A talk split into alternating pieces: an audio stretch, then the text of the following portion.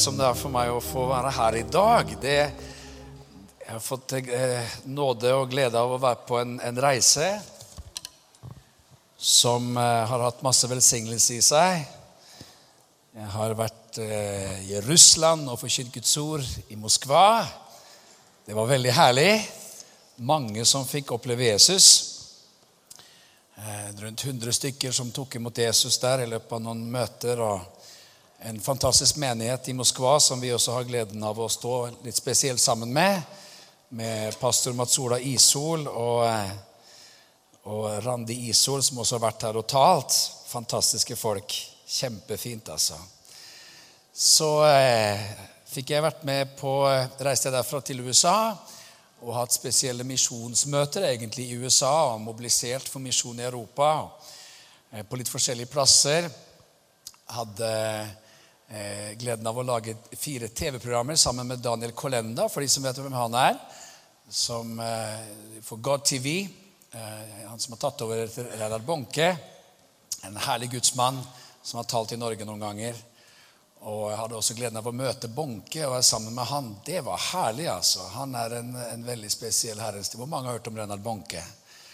Ja, du vet, eh, du vet, Mens andre hadde rockeband og popband av ulike slag på postere på, på, gutterommet, så hadde jeg liksom eh, Africa shall be saved, let's plunder hell and populate heaven. Og så bilde av Bonke som prekte til en million mennesker. Så du vet at eh, det var veldig herlig å få treffe han, så full av oppmuntring. Så full av liv, og, og 78 år gammel er han straks nå, da. Og han hadde også så mye godt å si til oss om det vi står i Europa, og masse masse oppmuntringer. Så det var, det var en, en, en, skikkelig spesiell anledning. Fikk jeg være med på noe som heter Pentecostal European Fellowship i Polen. Eh, hvor vi hadde ledersamlinger med ulike ledere fra ulike kanter av Europa. Det er så mange åpninger også for det som Gud gjør gjennom Jesus Revolution. Og vi fikk treffe ledere fra Balkan, som vi skal være til sommeren. Og så, så, det var riktig velsignet å få være der. Wow, så mye herlig som jeg fikk være med på. Så, så, men nå er det godt å være her, og så godt å få dele Guds ord sammen. Godt å feire nattverd sammen. Du vet Det som er så herlig med denne ukentlige nattverden også, det er at det drar oss alltid inn mot sentrum. Det drar oss alltid inn mot det liksom helt sentrale i vår tro. vet du, det, det, er mye vi kan prate om og preke om, og vi skal liksom preke om noe her i dag som også er viktig og betydningsfullt. Og, men det er liksom ingenting som kan overskygge eller komme i nærheten av det enkle som Jesus har gjort på korset. Enkle, men eh, kraftfulle og voldsomme.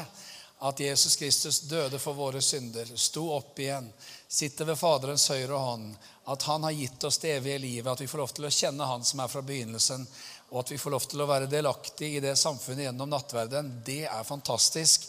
Så, så Derfor er det så godt å kjenne at det er liksom en av ukes høydepunkt å få lov til å feire nattverd sammen. Det, det er helt uavhengig av våre, liksom, våre formkurver.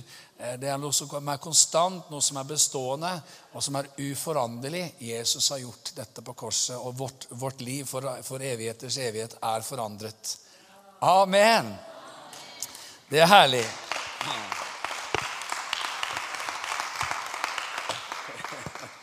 Skal vi se om vi får teknikken til å funke her med min nye gadget. All right. Fantastisk. Dere, Vi skal ta oss og lese Guds ord sammen. Og vi skal lese fra eh, 2. Korinterbrev 9. Det som jeg har kjent at jeg skulle dele om i dag, det er har en overflod som kan høre litt spesielt ut for den som ikke har kjent Jesus så lenge. Eh, og liksom, ok, Hva betyr det, og hva går det her ut på? og sånn, men, men, det går bra. Vi skal forklare hva vi mener med det etter hvert. Men det er veldig bra. altså. Det er veldig positivt. Overskriften er nemlig hentet fra andre korinterbrev, det niende kapittel. Og overskriften er 'Overflod til all god gjerning'.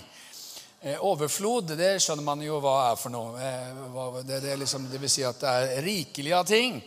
Men til all god gjerning, det vil jo da si noe om hvorfor det er overflod, eller hva, man skal med overfloden. Eh, så det her fins det noen riktig gode ting. Og det som er jo veldig bra, det er at når man begynner å bli kjent med Jesus, og begynner å leve med, med, med Gud, leve, begynner å la evangeliet få påvirke en, så er det jo sånn at det er en oppdagelsesferd hvor man opplever at det er liksom ikke slik som noen vil, vil på en måte forsøke å si det, at ja, men evangeliet, liksom Jesus, det er liksom en viss greie som bare har å gjøre med evigheten og menneskers frelse og sånt å gjøre. For vår, for vår ånd eller for vårt indre menneske, for vår sjel. Nei, evangeliet har noe å si for alle områder i våre liv. Evangeliet har noe å si for, for ekteskapene våre hvis vi er gift. Det har noe å si om barna våre hvis vi er barn. Det har noe å si om hvordan vi tenker rundt eh, arbeidsplassen vår, om vi er på jobb. Det har noe å si om tenkningen rundt relasjoner mellom mennesker i alle slags forbindelser. Og det har også noe å si noe om det som denne overskriften rommer, nemlig det at Gud har noe å si om våre, vår økonomi. Og, og, det er det som vi skal, skal si noe om her. Eh, du vet, Når vi ber her ofte, så ber vi Fader vår, du som er i himmelen. La ditt navn holdes hellig. Og Noen av de aller første tingene som vi oppdager når vi begynner å følge Jesus, er jo det at Gud er far. Det er fantastisk. Og Det er klart at det, det er ikke alltid nødvendigvis sånn at, at liksom, eh, Litt sånn avhengig av hva slags farsbilde vi har, eller litt sånn avhengig av vi, hva slags forhold vi har hatt med våre jordiske fedre. Det kan jo være litt forskjellig. Så kan det også av og til gjenspeile liksom hvordan vi tenker når vi hører far. Men da er det veldig viktig å gå inn og se på den, altså Gud han er far for alt som kalles barn, står det. Så, så, helt uavhengig av din relasjon med din far, så har du en far i himmelen. En god far. En god skaper. En god Gud. Og du vet, Ofte når man er ute og snakker med folk, og er litt sånn her og der, så er gjerne et av de spørsmålene som dukker opp ganske raskt, det er at folk sier ja, men du, hvordan i alle dager kan du tro på en god Gud når det er så mye vondt i verden? Har du hørt den før? Altså, Hvordan i alle dager kan Gud tillate alt dette elendet der ute? Jeg, kan liksom, jeg syns det er vanskelig dette med Gud, fordi verden er jo full av elendighet.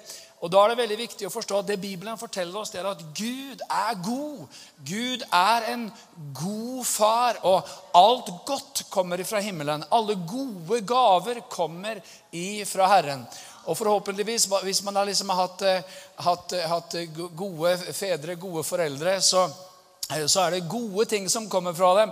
Det vil liksom ikke si at de ikke korrigerer, for det skal foreldre gjøre. Det vil ikke si at de av og til er strenge, for det skal trenger foreldre også være. Halleluja. Og Sånn kan det være med vår himmelske far også. Eh, men, men, han er grunnleggende god. Og Bibelen sier i Jakobs brev om at, at, han er, at all god gave kommer ovenifra, fra lysenes far ifra Gud. Han er god. Han er overstrømmende god. Så det er jo egentlig helt gåtefullt at det er en del mennesker som ikke, ikke vil ha, kontakt, ha med Gud å gjøre. Det, det dreier seg på en ren misforståelse, egentlig. Så egentlig Noe av det du og jeg holder på med når vi er rundt omkring, det er at vi holder på å oppklare sånne misforståelser for at folk ikke vil ha kontakt med sin himmelske far. Det må jo bero på en misforståelse. Hvis folk forstår hvem han er, og hvor god han er, og hvor mye godt han har for våre liv, så er det en selvfølge at man vil følge Jesus. Det er en selvfølge at man vil ha kontakt med Gud. Jeg mener, Han er liksom Wow, han er god! Og, og når du står opp på morgenen vet du, etter 13 sånne slumreforsøk, eh, så, så, og endelig så er vi på beina og er klar for en ny dag, eh, så, så sier Stefania 3,17 at han spinner av glede over å se deg. Det er ikke sikkert du tenker over det liksom når du står der og liksom skriker etter kaffe, men han gjør det. Han, han, gleder seg over deg. Han tenker 'Wow! Min skapning, mine sønner, mine døtre er nå våkne!' Og vårt fellesskap kan begynne. Tror du, tror du Gud er sånn? Ja, men det er han, skjønner du. Han elsker oss med en helt voldsom, uslokkelig kjærlighet. Du er Guds favoritt, forresten. Ja, men vi, er vel noen som deler på det. Jo, jo, i og for seg. Men, men, men, du er hans favoritt. Det er helt sikkert. Skapt i Guds bilde.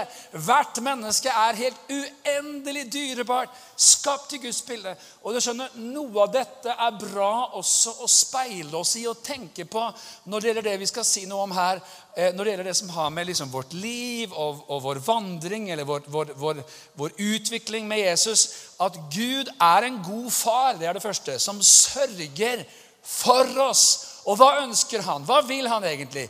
Vil han bare at det er liksom bare så vidt det går, det er så vidt det holder, det er så vidt liksom og Det er klart at det er liksom mange interessante spørsmål her. fordi Man liksom kan jo tenke på verden, man kan tenke på, på, på, på ujevn man kan tenke på verdens urettferdighet. Veldig mye å si om det. Man kan tenke på den store skeivheten som fins. eh, mellom, mellom fattig og rik osv. Man kan tenke på solidaritet med verdens fattige. Det fins veldig mange ting som, som, man kan ta inn i dette.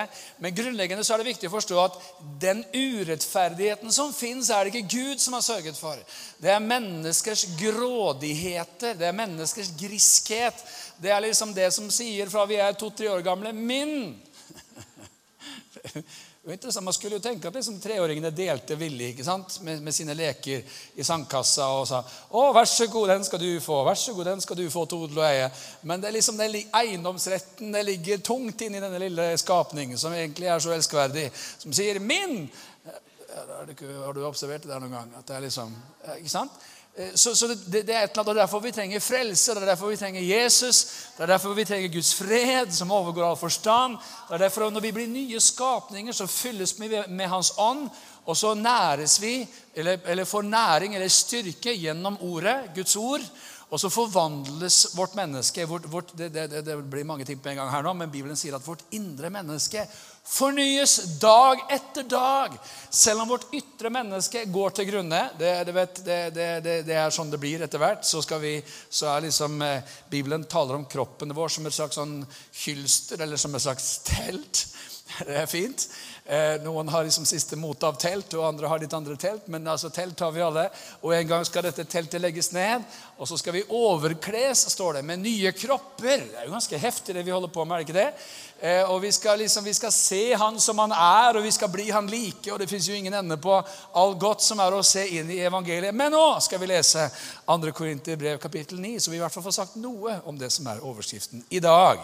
Vers 6 sier nemlig den som spår Den som ikke spår Nei, det blir fryktelig galt. Her skal det ikke spås, skal jeg si det. Kanskje bortsett fra sånn lommespå, da, liksom, hvor du har en sånn liten, sånn, en sånn liten lapp som ungene har. og sånn, Det er helt greit. Men det står 'Den som sår sparsomt, skal også høste sparsomt'. Og den som sår rikelig, skal høste med rik velsignelse. Enhver må gi slik som han setter seg fore i sitt hjerte, ikke med ulyst eller av tvang. For Gud elsker en glad giver. Og Gud er mektig til å gi dere all nåde i rikelig mål, for at dere alltid og i alle ting kan ha alt dere trenger til, og ha overflod til all god gjerning. Om det ikke var et, et eneste annet vers vi skulle lese her i dag, så hadde vi blitt rikt velsignet.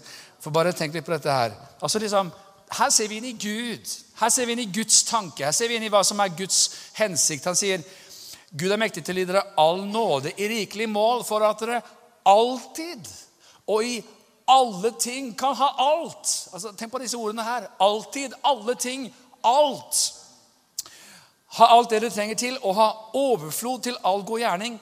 Og så står det noe her om å så. Altså, Bibelen beskriver deg og meg som sånne såmenn og kvinner.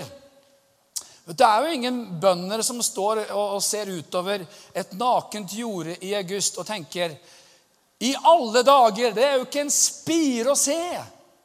Hva har jeg glemt? Å ja, det var det der med såing, ja. Jeg visste det var noe i våres. Jeg visste, jeg visste det var noe på gjørelista som glapp, liksom. Jeg visste, jeg var, det var, Hva var nå det der? Jeg tenkte Kjære at jeg skulle glemme det. Nei, det, vet, det er ikke sånn det er. Alle bønder vet at skal man høste, så vil man så. Eh, men det er jo heller ingen bønder som forventer at ja, jeg, liksom, jeg sådde så og så mange korn, og derfor så får jeg så og så mange eh, altså, så, så, så mange såkorn. Derfor så får jeg liksom like mange strå og aks og fullmoden korn. Nei, det står ikke i forhold i det hele tatt, for det multipliseres.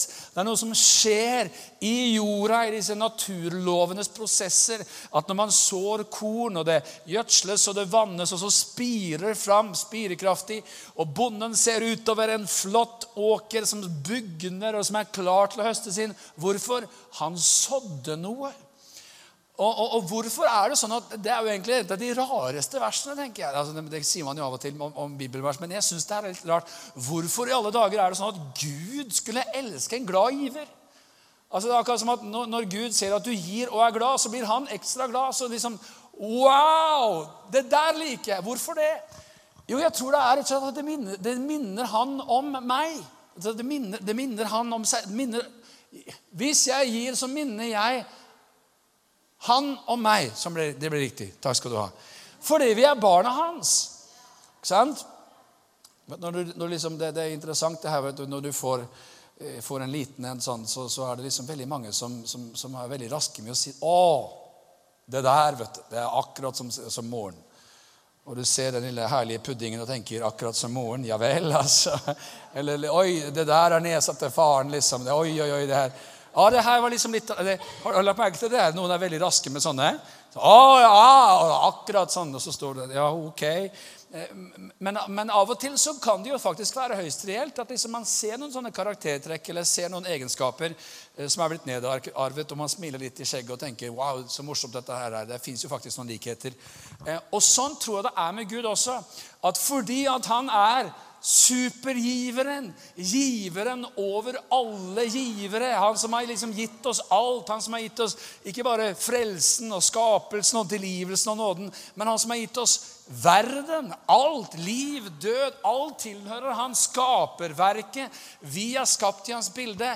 Han har liksom bare og når man ser ut i naturen Jeg vet ikke hva du liker å se på TV, men det fins én ting jeg er liksom ikke er veldig flink til å se på TV. egentlig sånn, altså det, Jeg syns det ofte er så kjedelig, så jeg gidder ikke å se på TV.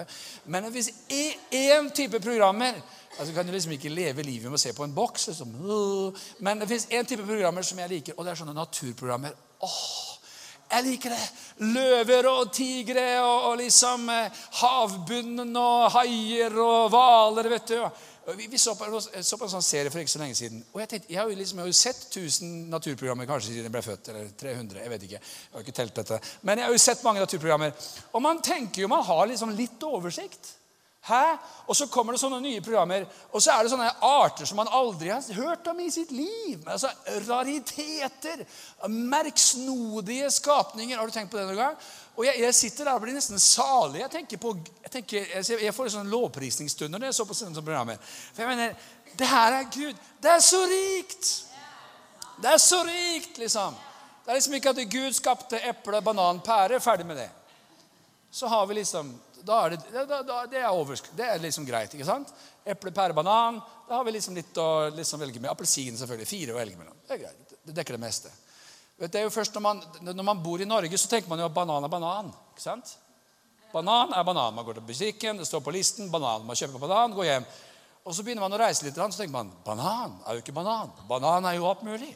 Det fins lange bananer, avlange bananer, kokebananer, små bananer, søte bananer, søte som bombebananer. Altså, jeg husker Første gang jeg var på Filippinene. Liksom, det var helt fantastisk. Avlange, lange, røde bananer! Til en helt annen bruk enn de som var. Skaperverket er så rikt. Gud er så rik. Han har gitt oss så mye. Så herlig. Det er liksom hele skaperverket bygner og taler til oss om Gud og hvordan Gud er, og hans vesen og hans godhet og hans overflod. Og når vi gir, så, mm, så gleder han seg over oss fordi vi, blir, vi ligner på han. Gud elsker en glad giver. Halleluja! Amen. Og så tror vi at det her, det her Og jeg skal si litt mer om det, men det, det, det henspeiler jo ikke bare på liksom, kroner i kollekten. Det her er en livsinnstilling av sjenerøsitet. Av det å liksom kjenne at man er raus, at det fins noe sjenerøst. Man er sjenerøs med å tilgi. Man er sjenerøs med gode ord. Man er sjenerøs med oppmuntring. Ikke sant? Jeg sa jo at jeg elsket deg i 1992, så det får jo rekke. Liksom. Du vet jo det nå, da. Skal jeg liksom holde på her og gjenta det nå hele tiden? Nei, det er jo ikke sånn det er. Altså, Vi er sjenerøse med gode ord, ikke sant? Ja, ja. Nei, det, det, er jo, det, er jo, ganske fascinerende, egentlig. at liksom, altså, Det er helt gratis å oppmuntre noen. Det er helt gratis å styrke noen. Ikke sant?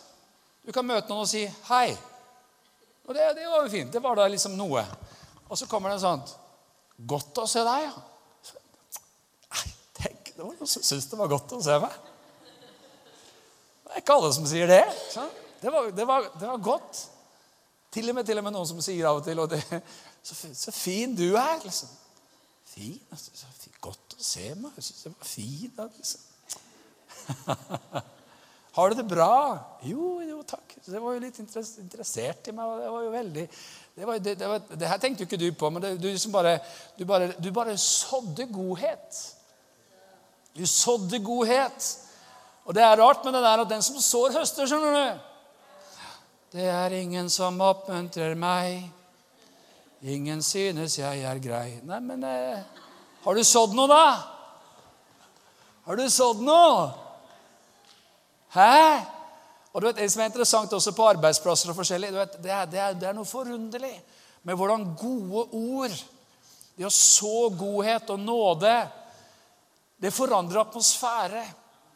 Det forandrer atmosfære. Jeg husker Anne vet du, hun er jo mesteroppmuntrer. ikke sant?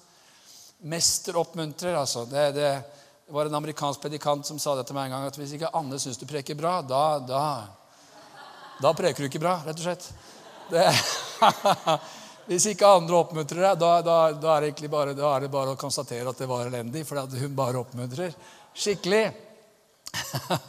Kommer med litt konstruktiv kritikk av og til òg. Altså, det er jeg veldig glad for. Men, men, men, poenget er altså, Vi har jo hatt noen naboer som har vært vriene. Altså. Nå har vi liksom bodd på samme plass i de siste hva blir det, 20 pluss årene. Så det er klart at det, naboer kommer, naboer går. Og av og til har vi hatt noen skikkelig vriene naboer.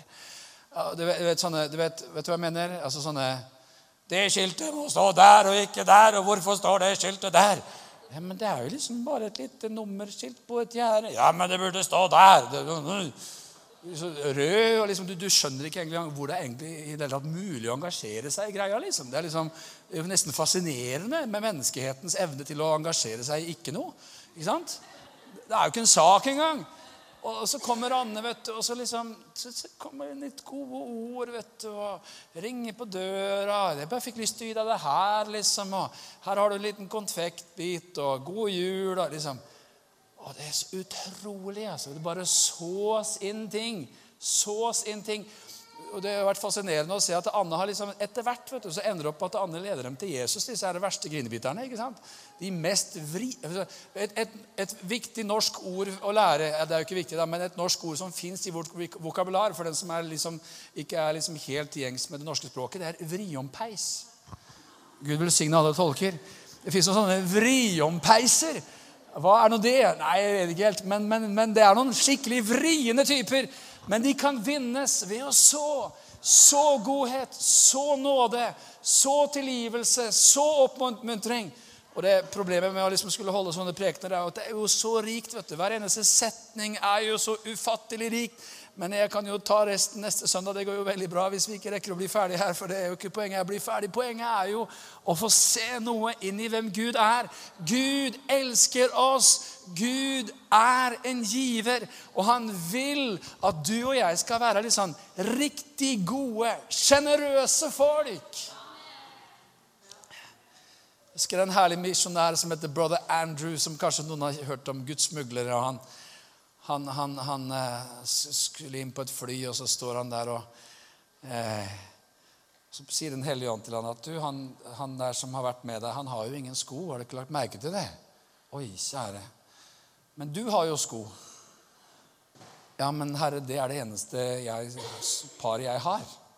Og jeg skal rett på fly, og når jeg lander, skal jeg rett inn i et møte. og liksom sånn, men du kan jo skaffe deg sko når som helst. Du, jo bare, du får jo et sko i ditt land, så det er ingen problem. Og så ser han på føttene, og så ser han på størrelsen, og så sier Men det Du eh, Har du sko? Nei, jeg har jo ikke sko. Du har ikke sko? Nei, jeg har ingen sko. Prøv mine. Han prøver skoene.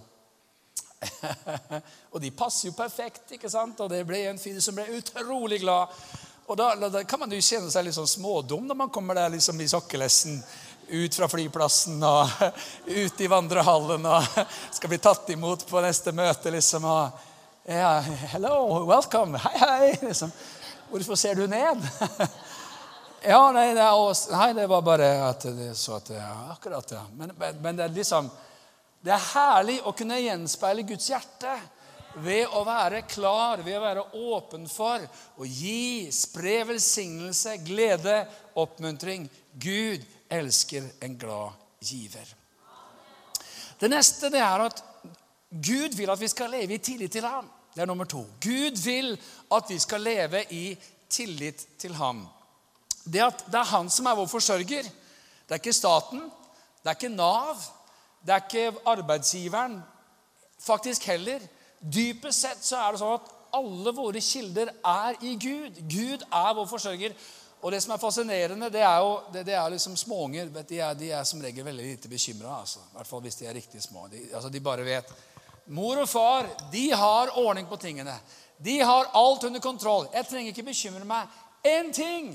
Og jo eldre vi blir, jo flinkere Eller kanskje ikke flinkere, det er kanskje ikke noe kompliment, men, men jo mer har vi det med å bekymre oss. Hæ? Oi, oi, oi, oi. Og det, det, finnes, det, hender jo av og til at man blir testet skikkelig. altså, hvor liksom det kommer inn en regning som du har tenkt Kommer den som har vært der noen gang? Liksom, Åh, kommer den nå? Og, jeg, har opplevd flere den gang altså, at jeg liksom oppdaget at bak døren til vaskerommet så sto det en pose med flasker. Halleluja! Nydelig! For der, det, det var liksom ikke lenger en pose med flasker, det var brød og melk. Fantastisk. Så Av og til så kan man liksom være der hvor man tenker hvor skal min hjelp komme fra? Min hjelp kommer fra Herren himmelens og jordens skaper. Men han, han av og til vil, vil teste oss litt. da, skjønner du, på at Stoler du på meg nå, da? Sant? Stoler du på meg? Tror du at jeg kan sørge for deg? Tror du at jeg har liksom tingene under kontroll her? Og Vi kan se i første kongebok kapittel 17. Der leser vi om en viss tisbit som heter Elia. Det skal vi ikke si så mye mer om. Men han var fra, han var fra Tisbit, sikkert da. Og han hadde flyttet til et sted som het Gilead.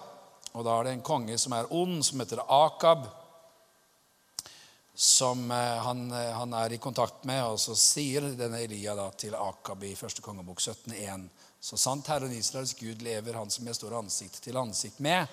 Det skal i disse årene ikke komme dugg eller regn uten etter mitt ord. Og Herrens ord kom til ham, og det lød så.: Gå herfra og ta veien mot øst og gjem deg ved bekken Kritt øst for Jordan. Du skal drikke av bekken, og jeg har befalt ravnene å gi deg mat. Det begynner å bli liksom veldig, veldig avansert. altså. Det vet du, I vår tid så fins det noen som tenker på sånn, hva heter det, drone-delivery. Drone delivery. Så, så det her er hakket hvassere, ikke sant? Eh, det er at ravnene kommer med mat. Vet, herren han er jo herre overalt. Hør nå her kan, av og til så tenker jeg blir sånn veldig komplisert. vet du. Og liksom, ja, men Hvordan kan det skje? Og det her er jo helt fjernt. Og ravner kommer med mat. Og, og du kan liksom glemme litt det her rasjonelle greia. Har Gud skapt hele verden, har han skapt alt som kan krype og gå, så kan vel han dirigere et par ravner til å fly med mat? Vil ikke det si, si at det liksom, du skal se, liksom, være opp, ekstra oppmerksom neste gang du ser havner fly over deg i parken? Det er ikke det vi sier. Men akkurat her så valgte Gud å gjøre det, og det er helt greit. Ok? Ja. Eh, så gikk han og gjorde som Herren hadde sagt, og han gikk til bekken Krit øst for Jordan og oppholdt seg der. Ravnene kom til ham med brød og kjøtt om morgenen, og kom, og de kom med brød og kjøtt om kvelden. Og han drakk av bekken. Men da det var gått en tid, tørket bekken bort, for det kom ikke regn i landet. Og Det som er litt interessant her, er at Elia, Elia blir overnaturlig forsørget på helt forunderlig, mirakuløst liv. Kan du bare tenke deg Gud har sagt 'Jeg kommer med ravner'. Og Da skal du bare være der, skal du si sånn, og så skal jeg sørge for det. Skal du se. Kan, kan du bare tenke deg første gangen han sitter der og tenker ah, ja, det her blir interessant. Og så kommer så kommer ravnene. Hæ? Door delivery med kjøtt og brød. Hæ? Morgen og kveld. Og så kommer det vann i bekken. Plutselig en dag så var kilden tom. Bekken var tørket bort, for det kom ikke regn i landet. Og Det som er interessant nå, det er at det skjer noe som er så ulogisk i vers 8. For av og til så, så kan vi liksom tenke at ok, Herren, han er min forsørger, og I gamle dager så var det mye sånne vitnemøter vet du, hvor man liksom hadde ordet fritt. og sånt, og så, så, var jeg på et sånt møte, og så var det en som skulle vitne om Herrens forsørgelse. da. At ja, jeg var ute og gikk, sa han, og Herren ledet meg inn i en jobb, Det var jo en kjeltring, egentlig. Det var slang, det der. Han var en tjuv, egentlig. Herren ledet han inn i en jordbæråker. Altså, den jordbæråkeren var jo noen andre sine. så, så, men av og til så kan man liksom Ok, ja, men det, det, får vel dryppe litt der, liksom. Det får vel Det var litt interessant. Det var en, en misjonær som hadde veldig forventninger om at han skulle få løs økonomi til et stort misjonsprosjekt i Amerika. Og, det, Han dro til Amerika, det kom ikke en krone. vet du. Det, det, det var, eller, kroner det skulle ikke komme til. Det kom ikke en dollar. Det var liksom, og Han kom litt sånn bestyrtet. Og så Idet han landet på norsk jord og traff noen enslige, liksom, noen enkle norske pilegrimer, vet du, så så sier de du, nå trenger vi å samle inn noen penger til det du står i. Så det fikser vi nå med en gang. Og det kom inn så mye penger som man ikke hadde regnet med. i Det hele tatt. Så du vet at det som er herlig, det er at Gud gjør det ikke alltid sånn som man regner med. Sånn som man tenker ut at det skal være. Guds logikk, himmelrikets logikk, er alltid litt sånn annerledes. Ikke sant? Eh, altså Gi, og du skal få. Liksom, hva er logikken i det? ikke sant? Men hva, hva står det her videre? Jo, da kom Herrens ord til ham, og det lød så i vers 8, i vers 9. Stå opp og gå til Sarepta, som hører til Sidon, og bli der. Og Sarepta og Sidon, for den som er, er liksom lokalkjent, det er jo da oppe i hedningeland. Han har liksom beveget seg utenfor Israel. Han har beveget seg utenfor dette området hvor, hvor, hvor Israel stammer holdt til. Så dette er, liksom, dette er ikke kors i det hele tatt. Dette er, ikke, dette er egentlig ikke helt greit. Men Herrens logikk, da? Jeg har befalt en enke der å gi deg mat. Hallo? En enke skal gi deg mat. Hva er logikken i det? Så står han opp, og han går til Sarepta. og Da han kom til byporten, fikk han se en enke som gikk og sanket ved. Han ropte på henne og sa, 'Hent litt vann til meg i en skål, så jeg får drikke.' Da hun nå gikk for å hente vann, ropte han etter henne og sa, 'Ta med et stykke brød til meg.' Da sa hun, hun var en troende da, så sant Herren din Gud lever, jeg eier ikke en brødbit. Jeg har ingenting. Da begynner det å bli interessant. Jaha, ja. Så det er denne enken som skal sørge for deg, som ikke har noe. Takk skal du ha. Thank you. Jeg har bare en håndfull mel i krukken og litt olje i kruset. Nå går jeg her og sanker et par stykker ved for å gå hjem og lage det til meg og sønnen min så vi kan ete det og så dø. Det er jo en spesiell plan. Vi har litt olje, vi har litt mel, vi, vi baker vårt siste brød, vi eter det, og så dør vi. Og så kommer det interessante her. Og det her er jo litt sånn småfrekt, kunne man tro. Sant? Men Elias sa til henne, 'Frykt ikke. Gå hjem og lag det til som du har sagt.' 'Lag bare først et lite brød til meg av det.' Og kom ut til meg med det. Siden kan du lage til noe for deg og sønnen din. Altså, Dama har jo akkurat sagt det er ikke nok. Det er nok til ett brød.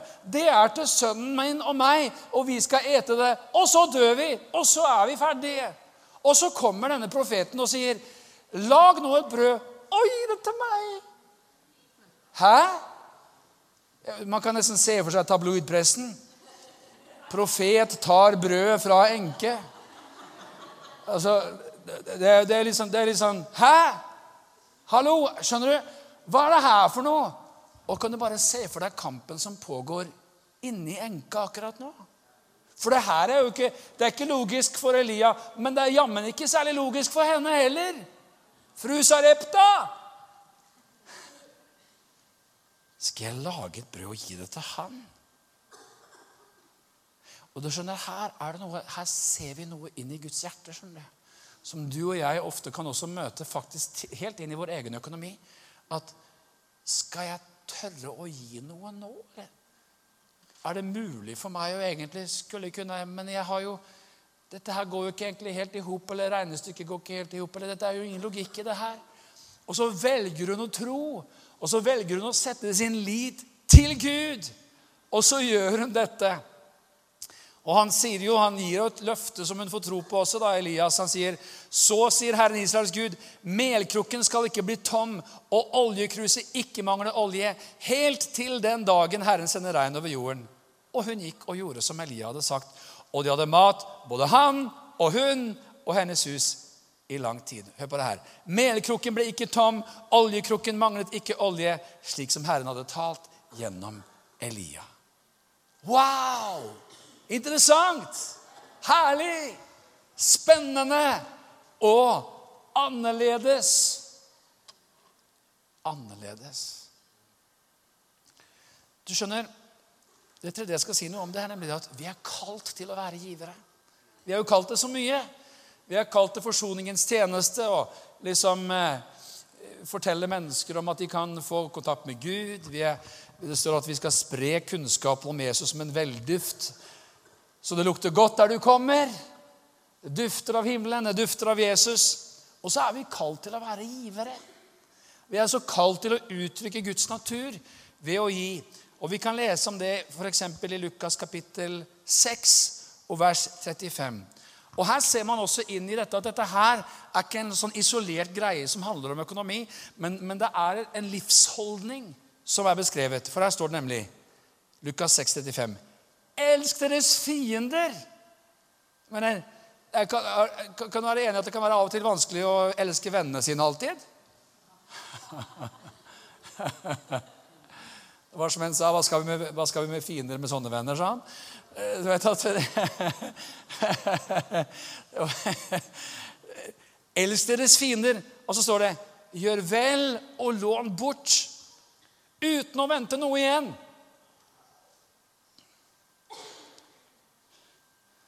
Det her er jo litt spesielt, da, særlig hvis noen låner bilen din, kanskje.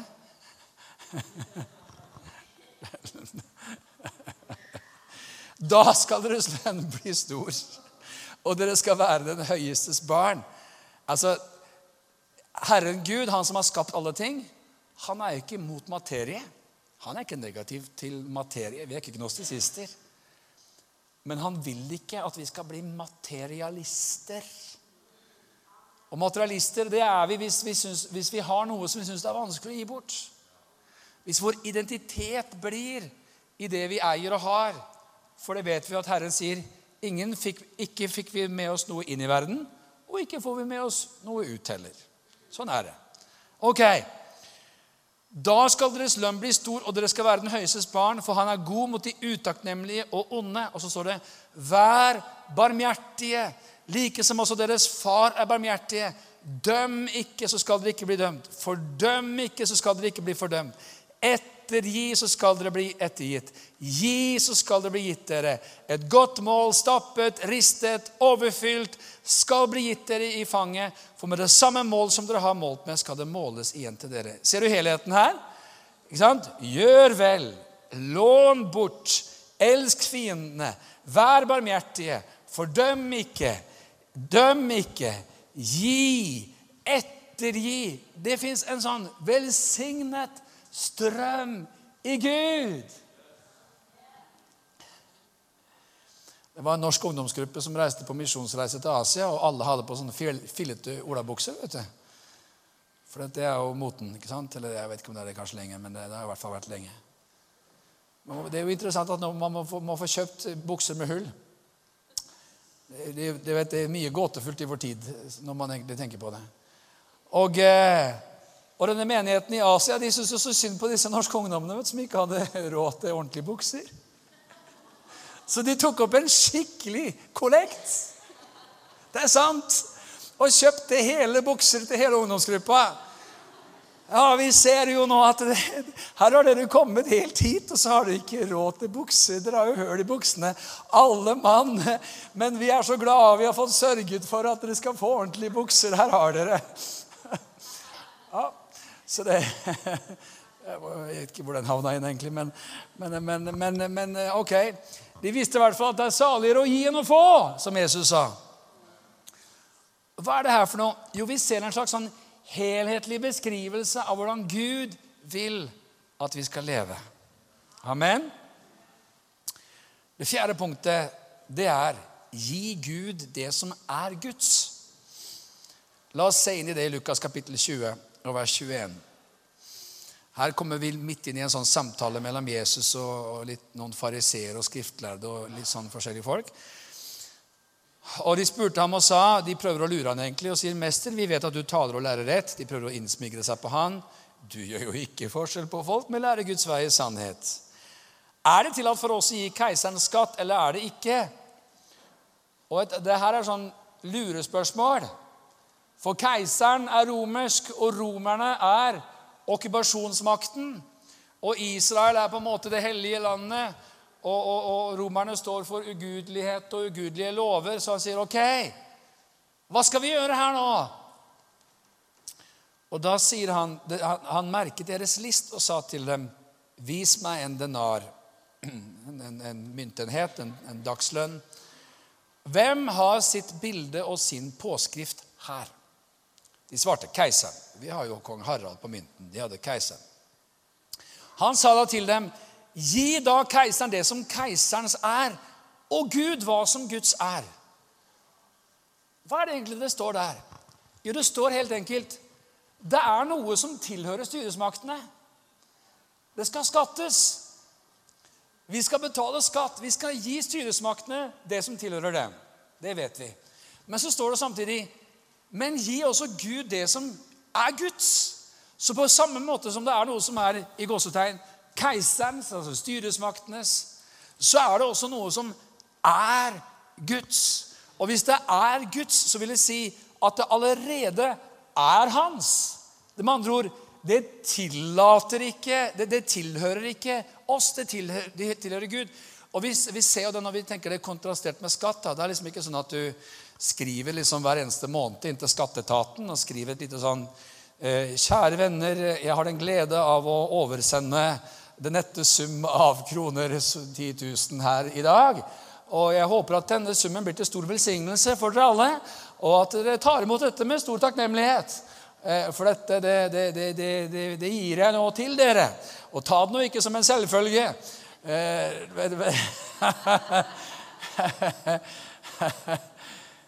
Nei, for det tilhører dem. Og hvis du tenker at det ikke gjør det, så får du etter hvert merke det. Hvis det liksom gikk et år og du tenkte jeg, jeg, jeg, føler liksom ikke så mye for det her med skatt, jeg kjenner liksom ikke i mitt hjerte at jeg, jeg har glede over å gi dette, så, så, så, så du vet, i hvert fall sånn som systemet funker i Norge, så, er ikke det sånn det er helt er da. Det var jo en viss europeisk statsminister for et par-tre år siden, eller kanskje er det blitt fire-fem, som sa at eh, ja, vi må skru opp skattenivået så voldsomt i dette landet, sa han. Jeg skal ikke si hvilket land det var, men det var i Vest-Europa. Eh, vi må skru opp skattevesenet, for vi vet jo at dere kommer jo ikke til å betale alt sammen uansett. sa han. Så, så hvert fall hvis vi drar opp skattenivået enda litt mer, så hvert fall får vi litt, sa han. Det var statsministeren. Da har du litt å jobbe med. Ok, Men det er noe som er keiserens, og det er noe som er Guds. Og hva er nå det som er Guds?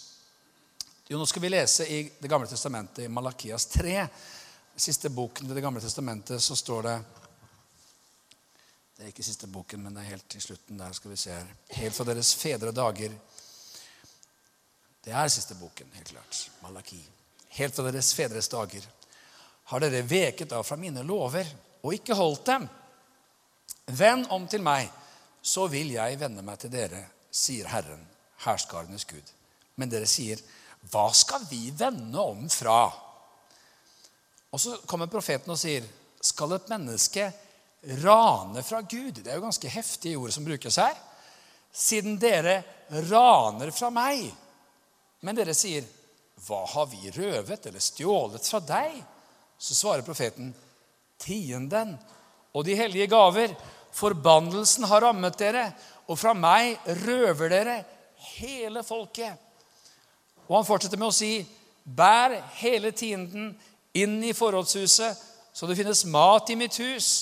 Prøv meg på denne måten, sier Herren herskarenes Gud, om ikke jeg vil åpne himmelens luker for dere og øse ut velsignelser over dere i rikelig mål. En annen gang hvis vi hadde hatt mer tid, eller en annen gang når vi har mer tid, så kan vi ta dette her enda litt dypere og, og liksom vise ut ifra Matteus 23 og Hebrebrevet 7 og sånt, om at dette er noe som har direkte koblinger inn i Nytestamentet. For Hebrebrevet 7 taler om at i Det gamle testamentet så ga man tienden sin til et visst system, mens at vi gir vår tiende til Jesus, til en som, en som lever, til en som, er, en som, er, Guds sønn. Og Det interessante det er at det her har vært et prinsipp gjennom Guds menighet gjennom alle tider. Det her er blitt praktisert av kristne over hele verden, og det drar oss inn i dette trosprinsippet. Og du vet, I gamle dager så var jo dette, man, man kalte det i, i ordspråksboken kapittel 3 for førstegrøden. Fordi at man, det var naturalhusholdning, og man, man høstet inn noe. Man hadde en høst, jf. kornåkeren. Og så tok man da de, de første ti prosentene som man høstet inn. Ikke det siste, men det første. Og så ga man det til Herren, til tempelet, til tempeltjenesten. Og så er det sånn at I Det nye testamentet, hva er det som er forrådshuset her? Jo, det er menigheten. Det er kirken. Det skal finnes mat i huset. Og, og når Gud taler om at det skal være overflod til all god gjerning, så vil jo ikke det bare si at det er du og jeg som skal ha det bra. Nei, jeg tenker at Gud han vil at hans menighet skal ha det bra. At hans menighet skal være velsignet. At det skal være overflod til all god gjerning. Til menighet, til misjon, til eh, barmhjertighet, til evangelisering, til gode ting blant barn og unge. At det liksom Det skal bugne. Bugne. Amen. Og vet du hva? Det som er interessant, er at vi ser liksom den derre profetdynamikken her. At enken måtte handle på noe for å få noe og for å få oppleve noe. Og det tror jeg er eneste sted i hele Skriften hvor Gud selv sier, 'Prøv meg på denne måten'. Akkurat som han sier, 'Sjekk ut det her, da. Prøv. Se. Test. Og se om ikke jeg vil komme og velsigne. Og Det som er så fantastisk, venner, det er og jeg skal slutte med å si noe om det, det er det femte punktet. Det er økonomi i et evighetsperspektiv. For vi er jo vi er her på planeten en stund. Noen lenge, noen litt kortere. Men det vi vet, det er at det vi gjør her, det setter et slags sånn fotavtrykk i seg. Helt inn i evigheten. Det er sånn det er at hvis du deler evangeliet med noen, sår Guds ord i noen Kanskje er det noen andre som får høste det. Det er kanskje noen andre som har en samtale med vedkommende ett år senere som gjør at vedkommende tar imot Jesus og kommer til å tro. Men da har du sådd ord av kraft og liv, og som det blir frukt av. Ikke bare her, ikke bare et frelst liv, men en frelst evighet. Og på samme måte så, så, kommer vi inn på noe som Jesus sier, og vi skal slutte der i Lukas kapittel 16. Et, også et sånt vers som kan høres litt spesielt ut. Men vi kan forklare det og se hva det betyr for noe. Er det noen som har hørt uttrykket 'mammon' noen gang? Av og til så var det sånne, sånne arameiske ord i, i, Skriften som ikke ble oversatt, og dette er en av de. For det betyr rett og slett bare penger på arameisk. Og Der sier Jesus i Lukas 16,9.: Jeg sier dere, gjør dere venner ved Og dette er egentlig midt i en sånn tale om eh, forvaltning, så du kan lese resten selv når du kommer hjem. Men eh, jeg sier dere, gjør dere venner ved den urettferdige mammon, for at de, når den svikter, kan ta imot dere i de evige boliger. Den som er tro i smått, er også tro i stort. Og den som er urettferdig i smått, er også urettferdig i stort. Dersom dere ikke er tro i den urettferdige mammon, hvem vil da betro dere de sanne skatter? Og har dere ikke vært tro i det som hører andre til, hvem vil da gi dere noe til egen eiendom? Ingen tjener kan tjene to herrer, for han vil enten hate den ene og elske den andre, eller han vil holde seg til den ene og forakte den andre. Dere kan ikke tjene Gud og mammon. Kan ikke tjene Gud og penger. Hva i alle dager taler dette om? og noen tenker Jeg visste det. Jeg har sett sånne typer på TV. Jeg har sett sånne typer på TV som bare liksom sier 'Gi så det svir', og 'gi til meg', og 'gi til misjon'. Og så skal du se at du blir skikkelig velsignet. Gi så det bare virkelig Du skjønner, her, Vi står ikke her for å mele vår egen kake. Vi er til og med del av en sånn bevegelse med kirker i Norge som har sånne offentlige, regulerte lønnsregulativer. Så jeg er glad for å kunne tjene som en velsignet brannmann. eller noe sånt, nå, tror jeg. Det er veldig bra. Det er regulert og ferdig. Du skjønner, Det her dreier seg om noe helt annet enn at noen skal liksom kunne sko seg på noe andre. Det her dreier seg om at livet får en større verdi. For det er ikke bare sånn at de pengene jeg tjener, går til husleie og til mat og til bil og til forsikring og til alle løpende kostnader. Men det er at jeg får være med på å bety noe for evigheten. Fordi at menigheten er evig, nemlig. Den er her på jorden, men den er evig. Det vi gjør her, det har et ekko inn i evigheten gjennom menighetsbygging, gjennom misjon.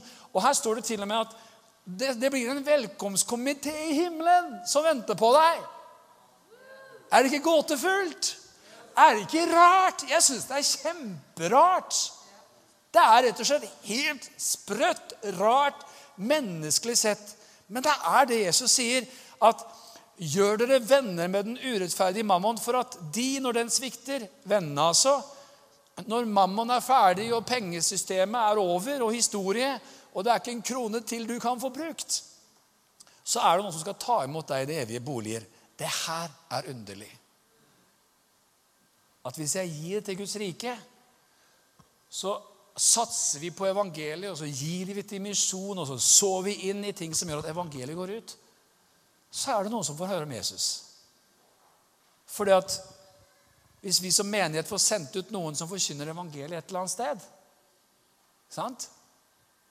Jeg fikk gleden av å forkynne evangeliet i Moskva for to uker siden. Jeg fikk være det som 2. Korinterbrev 8 kaller for menighetens utsending. Jeg er sendt dit. Og så får jeg lov til å tale der. Og så, det, og så har du gitt, slik at jeg fikk betalt flybilletten dit. Og så fikk jeg forkynt evangeliet. Og så er det 100 russere som vil leve evig. Og så kommer du til himmelen, og så står det en russer der og sier 'Wow, der er du! Velkommen!' Du tenker 'Hva har skjedd? Hva, hva har skjedd?' Eh, du, du sier alt du kan, men jeg vet ikke. Hva i alle dager var dette? Du skjønner, Gud han har oversikten. Han Han vet alt. Han vet at du sådde noe, du ga noe inn som gjorde det mulig å forkynne evangeliet der, som gjorde at noen kom til tro. Du var med på det her. Og Derfor er det sånn at noen sår og andre høster, og noen sår og andre får reise. Og, men vi får lov til å kjenne sammen, så får vi være med på å bygge Guds rike. Hvor velsignet og herlig er ikke det? Og jeg er sikker på at når vi er riktig gamle og grå og liksom er klare for å liksom sjekke inn Vet du, Sjekke inn vet du, før flighten. Så når du er klar for å sjekke inn til your eternal flight, Boeing 777 Så er det ingen av oss som kommer til å tenke Jeg ga litt for mye der nede. Jeg skulle ønske jeg beholdt litt mer selv. Nei, jeg tror ikke vi kommer til å tenke sånn. Og det herlige du, Vi snakker liksom ikke et slags sånn merkelig eremittliv heller. Hvor liksom Nå skal du gå rundt i sekk og aske fordi vi skal gi penger til misjon. Nei, Vi må ikke glemme resten av prekena.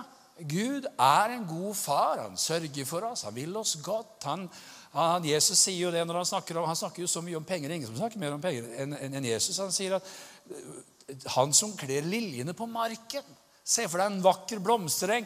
Hvor mye mer skal ikke han kle dere? Jeg mener, Gud er jo en god far. Han sørger for oss. Og samtidig så får vi lov til å kjenne vi er med på å påvirke evigheten gjennom det vi får være med på å gi. Wow. Er det ikke herlig? Amen. Herre Far i himmelen, vi takker og priser deg for at vi får vite det gjennom ditt ord at det fins skatter i himmelen. At det er helt reelt. At det fins en evighet, at det fins en rikdom som også venter på oss i evigheters evighet. Fordi at vi får lov til å være med på å så inn i ditt rike. Amen.